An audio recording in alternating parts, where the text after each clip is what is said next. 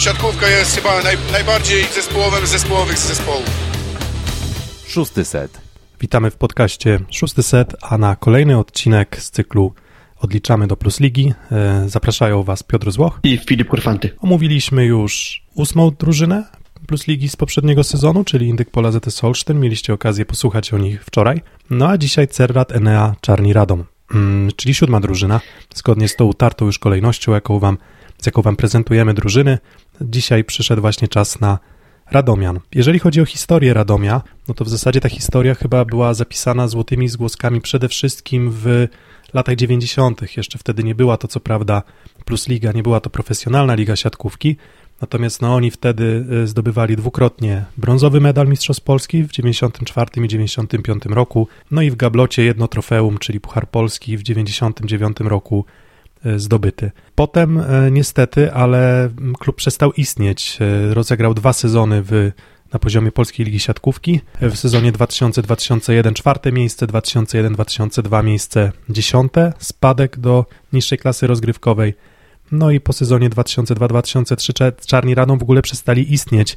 E, tradycje radomskiej siatkówki, chociaż kibice czarnych akurat nie chcieliby tego tak, w taki sposób pojmować i raczej tego tak nie pojmują, natomiast e, no, te tradycje próbował kontynuować klub Jadar Radom, mm, gdzie oczywiście no, nazwa sponsora weszła do, e, do nazwy klubu również, no ale sami Czarni Radom, czyli taki twór powiedzmy z historią, z też mocnym zapleczem kibicowskim, mm, odbudowywał się od drugiej ligi. W 2008 roku powrócili na, e, do, do, do rozgrywek pod szyldem czarnych, spędzili w tej drugiej lidze cztery sezony, awansowali do pierwszej ligi i od razu w kolejnym sezonie awansowali również do Plus Ligi i już sezonów Plus Lidze raz, dwa, trzy, cztery, pięć, sześć, siedem z rzędu. No i jeżeli chodzi o te sezony, no to y, z czym ci zapadli najbardziej pamięć? Albo która drużyna? Najbardziej w pamięć chyba debiutancki sezon Raula Lozano, któryś tam kolejny przypadek tego, że klub awansuje z jakiejś niższej ligi i wymienia sobie trenera, po czym jakby wrócili do pracy z Robertem Pryglem i, i jak myślę Cerratenea Czarni Radą, to jakoś szybko przychodzi mi do głowy właśnie Robert Prygel jako taka postać chyba najdłużej osiadła właśnie w radomskim zespole, a wcześniej jeszcze bym wskazał na pewno Wojciecha e, Żalińskiego. Mm, w zasadzie pytanie, czy mm, w tym momencie Prygiel nie jest najdłużej też e, pracującym trenerem w lidze? Nie wiem, czy myślałeś nad tym? E, nie zastanawiałem się nad tym, a, a bardzo możliwe, że tak jest. No więc właśnie, więc y, postać Roberta Prygla to takie spoiwo ostatnich kilku sezonów. Sezony, no mniej więcej w środku tabeli, tak? To, to czarni nigdy nie musieli walczyć o utrzymanie do, do ostatniej kolejki. Było miejsce piąte w sezonie 18-19, w którym to no, bardzo mocno no, na noże walczyli z Aluronem, e, Wirtu Wartą Zawiercie wtedy. Mm, nie udało im się wygrać tej rywalizacji o awans do półfinału, no ale skończyli na miejscu piątym. Mm, no i to było najwyższe miejsce po tym powrocie do Plus Ligi, poza tym miejsce szóste, raz miejsca siódme trzy razy, raz miejsce dziewiąte, raz miejsce dziesiąte, czyli wszystko w okolicach takich stanów średnich. Trochę brakuje czarnym do, e, do no, przybliżenia się do tych najbogatszych zespołów, do tych zespołów, które no jednak zdominowały nasze rozgrywki plusligowe w ostatnich kilku no, kilkunastu nawet e, sezonach w przypadku co po niektórych, e, co po niektórych klubów. No i siódme miejsce na koniec sezonu. Ja uważam, że to był wynik mniej więcej na miarę potencjału czarnych w poprzednim sezonie. Tak, czarni po powrocie do Plus Ligi nie zajęli jeszcze miejsca poniżej dziesiątego, chociaż w zeszłym sezonie już tak na moment się poniżej tego miejsca dziesiątego pojawili, bo 18 kolejka to było już 11 miejsce w tabeli, po czym jakiś taki niespodziewany trochę zryw nastąpił. E, kilka elementów się ze sobą zazębiło i, i Radomianie zaczęli robić pewnego rodzaju furorę, o ile wcześniej w siedmiu spotkaniach wygrali tylko jedno, po czym przyszły cztery kolejne wygrane mm, z Resowią, z Warszawą, ze Strzębiem, z Suwałkami, przegrany tiebreak ze Skrą i wyglądało, że zaczęli łapać odpowiedni gaz na właściwy moment sezonu, po czym te rozgrywki zostały przerwane przez epidemię koronawirusa, no ale na moment pauzy Radomianie zaczęli wyglądać dość imponująco. Tak, no tam ta zapowiadana, awizowana mm, na poprzedni sezon siódemka, no wyglądała na papierze, no bardzo solidnie, no na pewno na, na pewno na awans do playoffów, tak, no i tyle, że nagle potem okazało się, że w zasadzie te nazwiska, które miały grać, grać przestały, bo Wojciech Włodarczyk miał tam być liderem zespołu, a nie był, a, i w zasadzie Mm, Jakbym miał z konkretną postacią kojarzyć e, to odrodzenie się czarnych w poprzednim sezonie, no to myślę, że to był e, Brandon Sander, brat Taylora Sandera, czyli mamy, no nie wiem, z jed... no nielicznych braci. Te, te, te, nie było w tych wiele braterskich historii w Plus Lidze. No i Brandon Sander, młodszy brat e, Taylora, no i on w zeszłym sezonie naprawdę zrobił na mnie dobre wrażenie. No i wydaje mi się, że no bez jego gry byłoby trudno, no ale był jeden element, który trzymał poziom gry przez cały sezon, a już go nie ma w Radomiu. Czyli mówię tutaj o Karolu Butrynie. Tak, zabraknie zdecydowanie. Trochę podobny uważamy element układanki kluczowej, jak to było w przypadku zeszłego sezonu w Suwałkach, czyli Nikolasa Szerszenia. Tak teraz Karola Butryna byłoby takiej drużyny jak Radom bardzo trudno zastąpić. Uważam, że nie udało się tego zrobić, co brzmi trochę w sumie przewrotnie, biorąc pod uwagę, że, że do Radomia trafił etatowy bądź co bądź reprezentant Polski, ale jeszcze wracając do tamtego sezonu, no to ty wskazałeś Brendena Sandera, a ta seria dobrych wyników pojawiła się niejako w bardzo podobnym momencie, gdzie do składu skoczył Michał Kędzierski za Dejana Węcicia i to też był dla mnie taki trochę symbol y, odbudowy, czy też y, odpalenia e, radomskiego zespołu. No tak, tak, tak. To na pewno, na pewno szukał tej podstawowej siódemki Robert Prygiel, no i w końcu ją znalazł w pewnym momencie sezonu, no i właśnie Kędzierski z Butrynem bardzo dobrze wyglądali.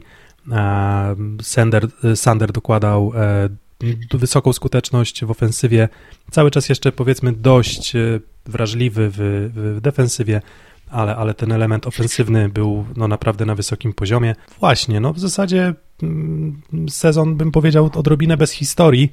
E, tę te, te, te, te, historię najpiękniejszą napisał Karol Butryn. Zobaczymy, jak teraz będzie się spisywał w Asekoresowi Rzeszów. Natomiast no, on był no, ewenementem statystycznym, ale i też ewenementem, no, jeżeli chodzi o wizualną, wizualną grę, bo no, sobie nic nie robił z blokiem. Tak? To, to, to mało jest takich atakujących w lidze, których ja byłbym w stanie gdzieś tam z pamięci sobie przypomnieć, gdzie, gdzie po prostu miałeś wrażenie, że on ośmieszał rywali. W zasadzie no, piłka, no, wystarczy, wystarczyło mu dociągnąć piłkę mniej więcej na wysokość antenki i on jakoś tam, pomimo tych swoich niby niespecjalnych warunków fizycznych, jeśli chodzi o wzrost, no to on po prostu rozbijał blok. No i to będzie, no myślę, bardzo duża strata dla e, Radomia. No ale może po prostu dżingielek i zacznijmy mówić o tym, kto tam jeszcze odszedł i, i w jaki sposób Prygiel postara się te ubytki pouzupełniać. Szósty set. Karol Butryn już powiedzieliśmy, no to może od tego zacznijmy. E, Dawid Konarski, Jastrzębski Węgiel, to chyba nie tak miało być, panie Dawidzie. Trochę kontrowersyjna postać polskiej siatkówki, mam wrażenie, Dawid Konarski, bo, bo jakoś nie, nie zbiera zbyt pochlebnych opinii ten zawodnik, mimo tego, że regularnie od lat utrzymuje się w kadrze Polski, która jest bardzo mocną reprezentacją i to jest trochę dziwne, jak mówimy o tym, że Karol Butryn, który z reprezentacją Polski ma niewiele wspólnego, a będzie na tej pozycji osłabienie, jeśli trafił tam Dawid Konarski. No ale, ale ja mimo wszystko, że to brzmi dosyć dziwnie, to wyżej sobie cenię Karola Butryna, zwłaszcza po takim sezonie. No a Dawid Konarski ostatnio chyba nie ma najlepszej pasy. E, wrócił z Turcji do Jastrzębia i tam uważam, że spisywał się poniżej oczekiwań. Pojawiły się z nim wywiady, że chciałby się udać do Azji, że wyjedzie z Polski, e, jednak na przykład w Korei mu w drafcie nie wyszło, nie został wybrany. No i dosyć późno został nie, może nawet nie powiem, że zdelegowany, czy zdegradowany do, do drużyny z Radomia, no ale myślę, że liczył, że inaczej zakotwiczy. Na lodzie, na lodzie został w pewnym momencie. No musiał szukać e, składu. E, te, te, te, te tematy pandemiczne też powodują, że, że, że zawodnicy to jeżeli nie muszą, to też nie, nie, nie specjalnie chętnie próbują swoich sił może poza swoimi rodzimymi ligami. No ale składy były pozamykane, no i no, gdzieś zwolniło się miejsce w czarnych Radom, bo Radom tak powoli, powoli budował ten skład. To nie było, niektóre drużyny już było wiadomo, w jaki to będzie zestawienie bardzo szybko, no czarni gdzieś tam te swoje karty odkrywali powoli. No i trafiła się okazja na rynku, no i trafił Dawid Konarski. Jeszcze taka propos Konarskiego, mm, no on ma trochę niewdzięczny styl gry jak na atakującego, w sensie taki niewdzięczny, jakby niewdzięczni są kibice, którzy go oceniają, bo on po prostu nie popełnia zbyt dużo błędów, natomiast on nie kończy, to nie jest taki, nie wiem, no Bartosz Kurek, dajmy na to, to nie jest e, czysty, czysty... Terminator. Tak, to nie jest czysty wulkan energii, siła, jakaś taka eksplozywność, skoczność, to nie jest, to nie jest Mariusz Wlazły, Natomiast no, on moim zdaniem wyciska bardzo dużo ze swojej kariery, no też rewelacyjny blok, tak. O tym, więc mówię, na to też warto zwrócić uwagę. No ale no, już na poziomie ofensywnym, no to Karol Butryn po prostu w zeszłym sezonie był od niego dużo, dużo lepszym zawodnikiem. No i ja też, znaczy dużo, dużo lepszym, lepszym, o tak, może, może po prostu lepszym zawodnikiem, no i też na pewno jeszcze z potencjałem na, na rozwój. Dawid Konarski przychodzi, no myślę, że to jest niezłe zastępstwo, jakby nie, nie, nie, nie, nie, nie, nie róbmy z Dawida Konarskiego zawodnika, który, nie wiem, no jest jakimś kaleką boiskowym, no bo to jest, uważam, cały czas y, niezły, niezły, dobry atakujący jak na poziom ligi. Mhm. Tak, ja też nie, nie, chciałbym robić z Dawida jakiegoś ułomka, ale mimo wszystko jednak, zresztą nie jest wstydem być trochę gorszym od Karola Butryna w takiej dyspozycji, dyspozycji, w jakiej on był właśnie w minionym sezonie, ale, ale jeśli mam ocenić tę zmianę na pozycji powiedzmy pierwszego atakującego, bo jeszcze nie mówiliśmy o Danielu Gąsiorze, no to sądzę, że właśnie czarni się y, osłabili. Do pary z Dawidem Konarskim, wspomniany przed momentem dosłownie Daniel Gąsior z AZS-u AGH e, Kraków tak się prezentuje para atakujących e, Radomia. Tu też krótka historia z zeszłego sezonu. Do Radomia trafił Łukasz Zugaj, który zastąpił Michała Filipa, który udał się do Bydgoszczy w trakcie sezonu. Także trochę tam tych ruchów kadrowych w czarnych się wydarzyło, bo przecież nawet Allen Szket pierwotnie miał być e, jako przyjmujący mm, Radomia i wylądował tam finalnie Brendan Sander, który chyba no, dobrze to jakby wykorzystał i dobrze się to skończyło. Teraz może być podobnie właśnie, że tak dosyć późno trafił Dawid Konarski. Może się okaże, że jednak jest tym najważniejszym ogniwem Radomian, aczkolwiek no, trudno mi w to wierzyć. Daniel Gąsior, trzeci najlepiej punktujący zawodnik e, pierwszej ligi w poprzednim sezonie. 25 lat, AZS AGH Kraków w zeszłym, e, w zeszłym sezonie, mm, no ale myślę, że on, on też przychodzi się uczyć e, tego wyższego poziomu rozgrywkowego. Um, no i dalej może kolejne pozycje jak już mieliśmy e, atakujących ze skrzydła prawego, no to przyjmujący w zeszłym sezonie Sander, Włodarczyk, Protopsaltis i Firscht.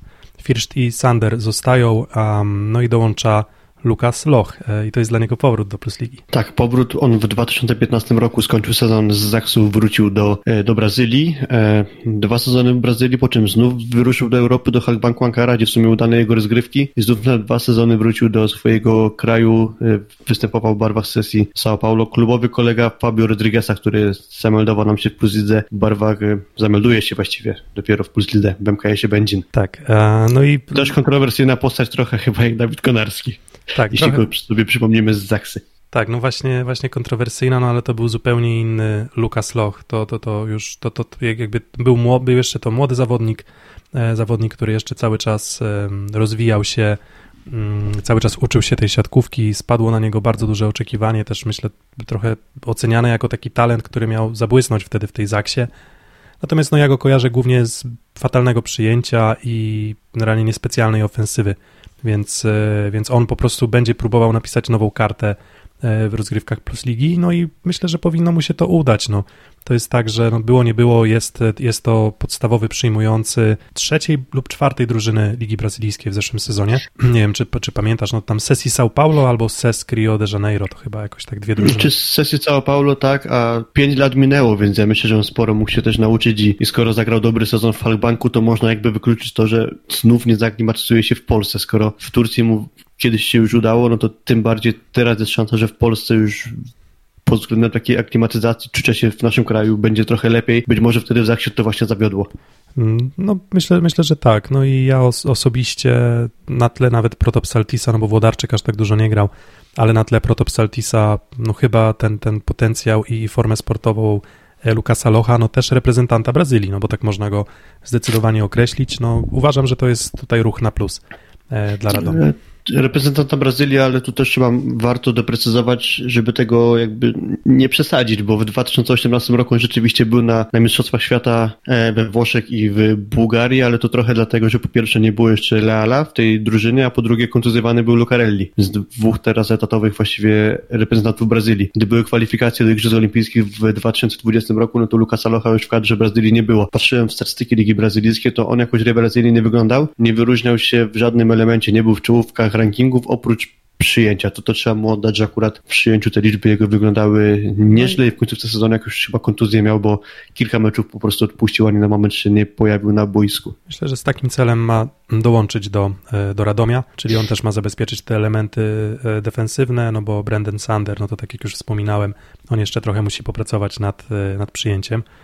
No i skład na przyjęciu oprócz Bartosza Firszta moim zdaniem zeszły sezon taki nijaki. Mm, spodziewałem się może trochę więcej błysku, a a no nie, nie, nie przekonał mnie akurat ten zawodnik. Przecież nie ma za wielu szans do grania, a ja go pamiętam z takiego turnieju towarzyskiego w Krośnie przed tamtym sezonem właśnie, gdzie, gdzie pojawił się na boisku i, i za każdym razem mnie rozczarowywał, więc akurat ja nie miałem wobec niego dużych oczekiwań. E, ciekawie wyglądał w Prizero Grand Prix, aczkolwiek nie wiem, czy to może mieć jakiekolwiek przełożenie do tego, co myślę, będzie myślę, potem że, się działo Myślę, że niespecjalne. Myślę, że niespecjalne, no ale to jest 21... Tak, tak, tak sądzę, no niespecjalne. Myślę, że 21-latek to też jest, e, no będzie musiał pokazywać powoli potencjał e, do grania. No i czwarty przyjmujący Artur Pasiński, również pierwsza liga Mickiewicz Kluczborg e, w zeszłym sezonie. Mm, coś kojarzysz zawodnika?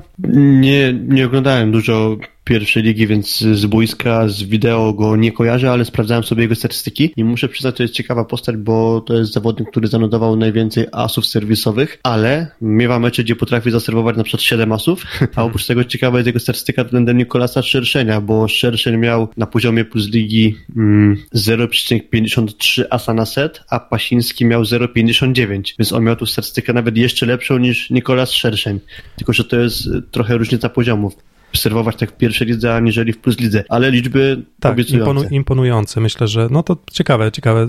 Ciekawe, czy będzie wykorzystywany jako zadaniowiec. Myślę, że się przekonamy. Michał Ostrowski, Bartłomiej Grzechnik, dwie postaci na środku siatki, które w zeszłym sezonie grały i będą grały dalej. Dawid Dryja z MKS-u Będzin, no i Wiktor Josifow. Myślę, że to jest taka postać, przy której warto się zatrzymać na, na dłużej. Mm, no tak wydaje mi się, że no jak na środkowych dostępnych na rynku w zasięgu finansowym czarnych, to, to taka postać jak Josifow to, to, to, to jest duże nazwisko i ja osobiście dużo sobie oczekuję po Wiktorze Josifowie, no i myślę, że on te oczekiwania powinien spełnić. Tak, myślę, że to bardzo dobry ruch, jeżeli chodzi o zastępstwo dla Alena Pajenka. Swoją drogą Słowenię do takich kilku sezonów trochę mnie już rozczarowywał, więc jakby spodziewałem się po nim więcej. Nawet kojarzę go z tego, jak wielkie wrażenie robił na mnie w ostatnich mistrzostwach Europy. Wyglądał fizycznie moim zdaniem genialnie, po czym jakoś nie zauważyłem, żeby to się przełożyło na to, co on prezentuje już na no nie, bardzo, poziomie bardzo, klubowym. słaby sezon, bardzo słaby sezon Pajenka. To, to, to już, no myślę, że to też, no to, że nie znalazł zatrudnienia w, w no, nazwijmy to poważnej lidze, takiej powiedzmy włoskiej, rosyjskiej, polskiej, tylko to, że trafia do, e, do, do Francji też o czymś mówi. No i tutaj myślę, że Josifow powinien być też kolejnym plusikiem, czyli tak jak mówiłem, że Loch powinien być plusikiem, Konarski minusikiem, tak Josifow plus względem poprzedniego sezonu. Mhm.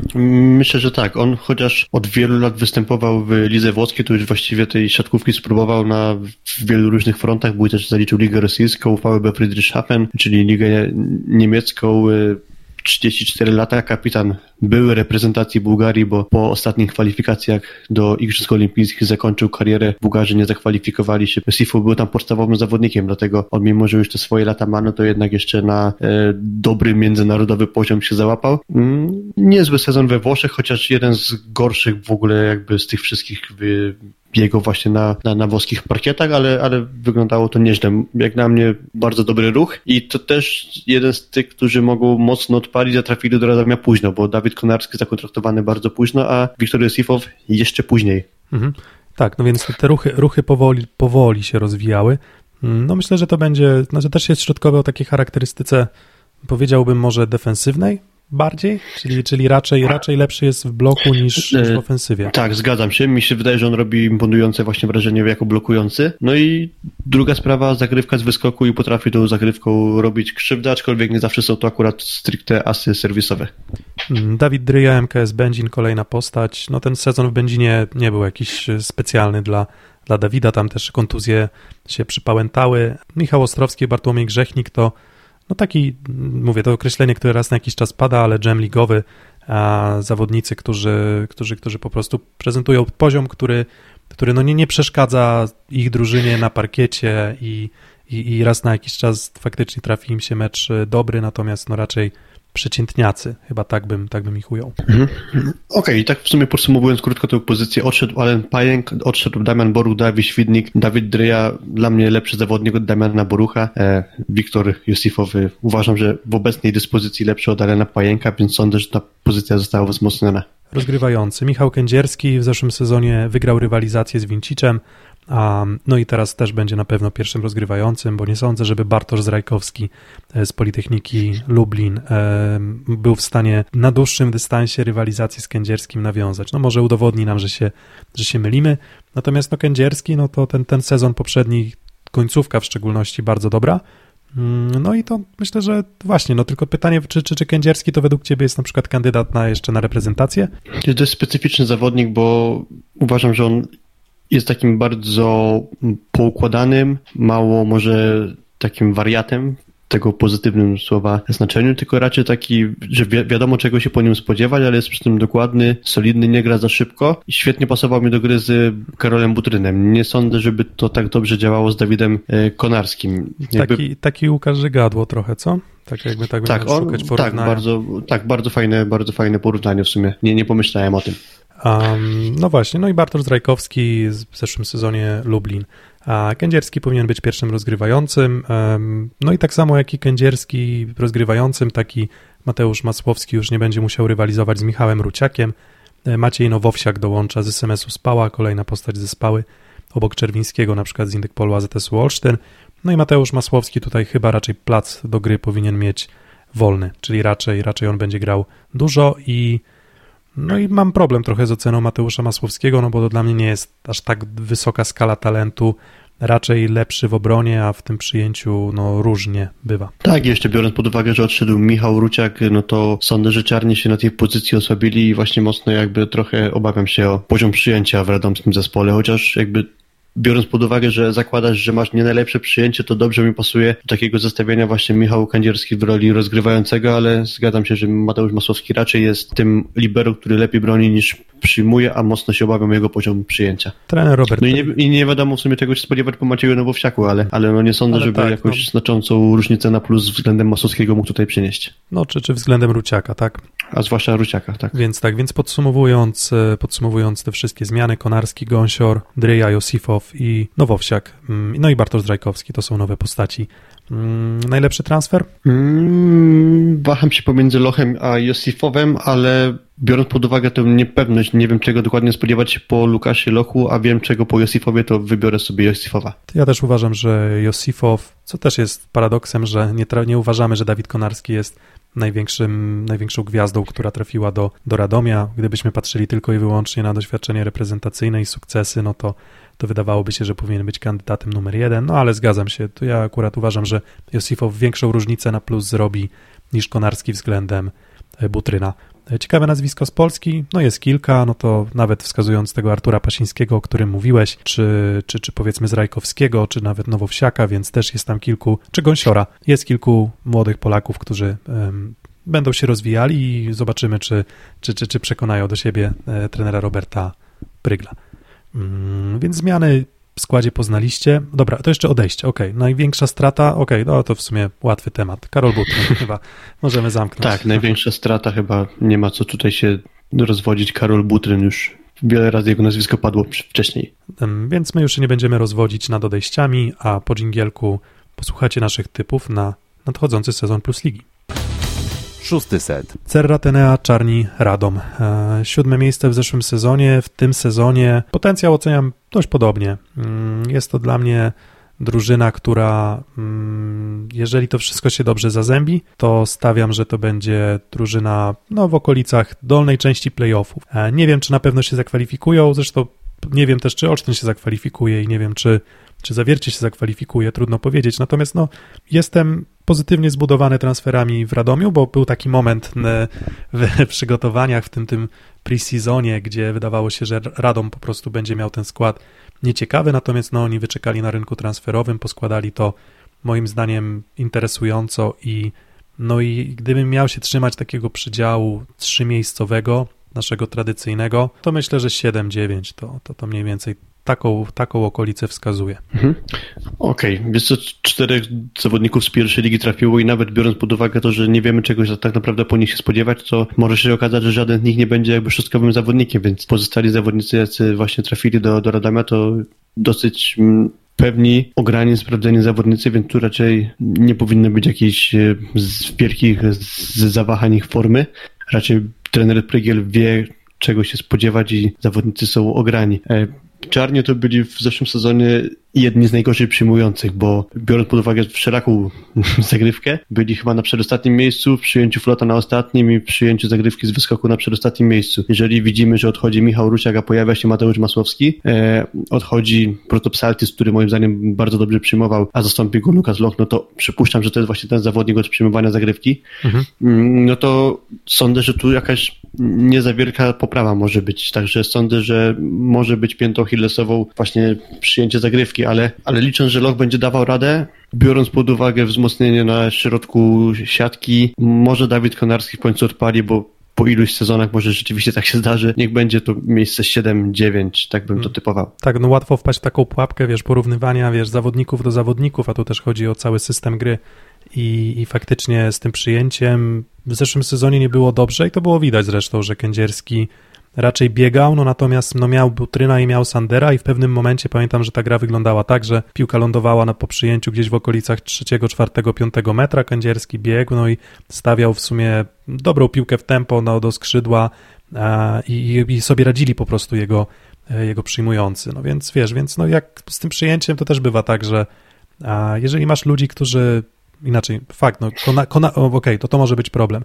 Konarski moim zdaniem lepszą skuteczność trzyma z piłek rozegranych, wystawionych, szybkich. E, Im dalej tak, od no właśnie, dalej, dlatego to jest takie osłabienie będzie... względem e, Karola Butryna tak, właśnie. Tak. Będzie problem, jak będzie słabe przyjęcie. Tak, no właśnie, no ale no mówię, będę się trzymał swojego typu, bardziej wydaje mi się, że raczej ósme, dziewiąte raczej, więc tak na pograniczu playoffów no ale to też, no mówię, dlatego dajemy sobie ten taki bufor bezpieczeństwa z tymi e, trzema miejscami, bo przewidywanie tak w punkt w punkt tabeli jest oczywiście bardzo, bardzo trudne no to chyba hmm. możemy zmierzać ku końcowi odcinka. Znaczy ku końcowi, ale może jeszcze nie powiedzieliśmy o najważniejszej sprawie właściwie, bo tak zakładamy, że ta drużyna będzie funkcjonować z Lukasem Lo, z Wiktorem Josifowem i z Brendanem Sanderem. Mam, obstawiam, że tak nie będzie, ale pojawia się jakieś małe ryzyko, że czarni do końca sezonu nie poradzą sobie z zakazem transferowym, który nadal ich obowiązuje hmm. i, i będą musieli przystąpić do rozgrywek bez swoich obcokrajowców. Precyzując sytuację, nagrywamy ten odcinek 31 sierpnia, a kilka godzin temu temu dostałem wiadomość, że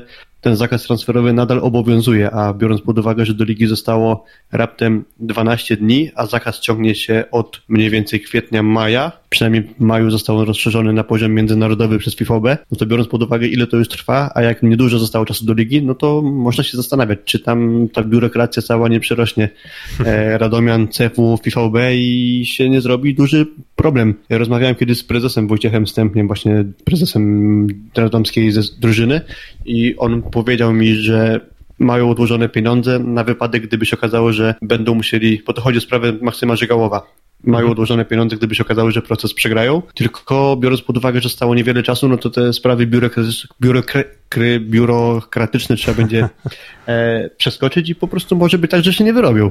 Widzisz, wypowiedzenie słowa biurokratyczne może być tak trudne jak e, załatwienie tej sprawy z, z FVP. Może się, może się okazać. A, ale nie, to jest, to jest ciekawy wątek, no bo jednak e, awizowana szóstka przez nas to Kędzierski, Konarski, Loch, Sander, Josifow, Dryja, Masłowski. W zasadzie bez z tym zakazem między, transferów międzynarodowych, no to mówimy Kędzierski, Konarski, Firszt, Pasiński, Ostrowski i Bryja na przykład, tak? No to wygląda to już e, dużo. Zgoła inaczej. Zgoła, zgoła inaczej. No bardzo jestem ciekaw jeszcze, jak to się potoczy. W sumie fajnie, że przywołałeś, przywołałeś ten wątek. E, mi o to odrobinę wypadło z głowy, no ale myślę, że mm, finalnie, no tak jak mówisz, jeżeli mają przygotowaną kwotę, to to po prostu ta kwota zostanie uiszczona i, i finalnie będą grać w takim składzie, jakby w swoim maksymalnym składzie, bo trudno jest mi sobie wyobrazić, że, e, że, że, że no cała ta, powiedzmy, cały wysiłek związany z zatrudnieniem tych zawodników pójdzie na marne w Radomiu. No okej, okay, więc e, chyba w tym miejscu możemy postawić kropkę. Jasnowic plus Ligi, przypominamy, zachęcamy do zabawy, pokażcie co potraficie, jeśli chodzi o przewidywanie e, przyszłości, w szczególności tutaj mówimy o przyszłości plusligowej, um, linki do znalezienia na naszych profilach w social media. Jutro kolejna drużyna, um, to już będzie drużyna numer 6 poprzedniego sezonu, czyli GKS Katowice, a tymczasem dzisiaj za uwagę dziękuję Piotr Złoch i Filip Kurfanty. Dziękujemy. Trzymajcie się.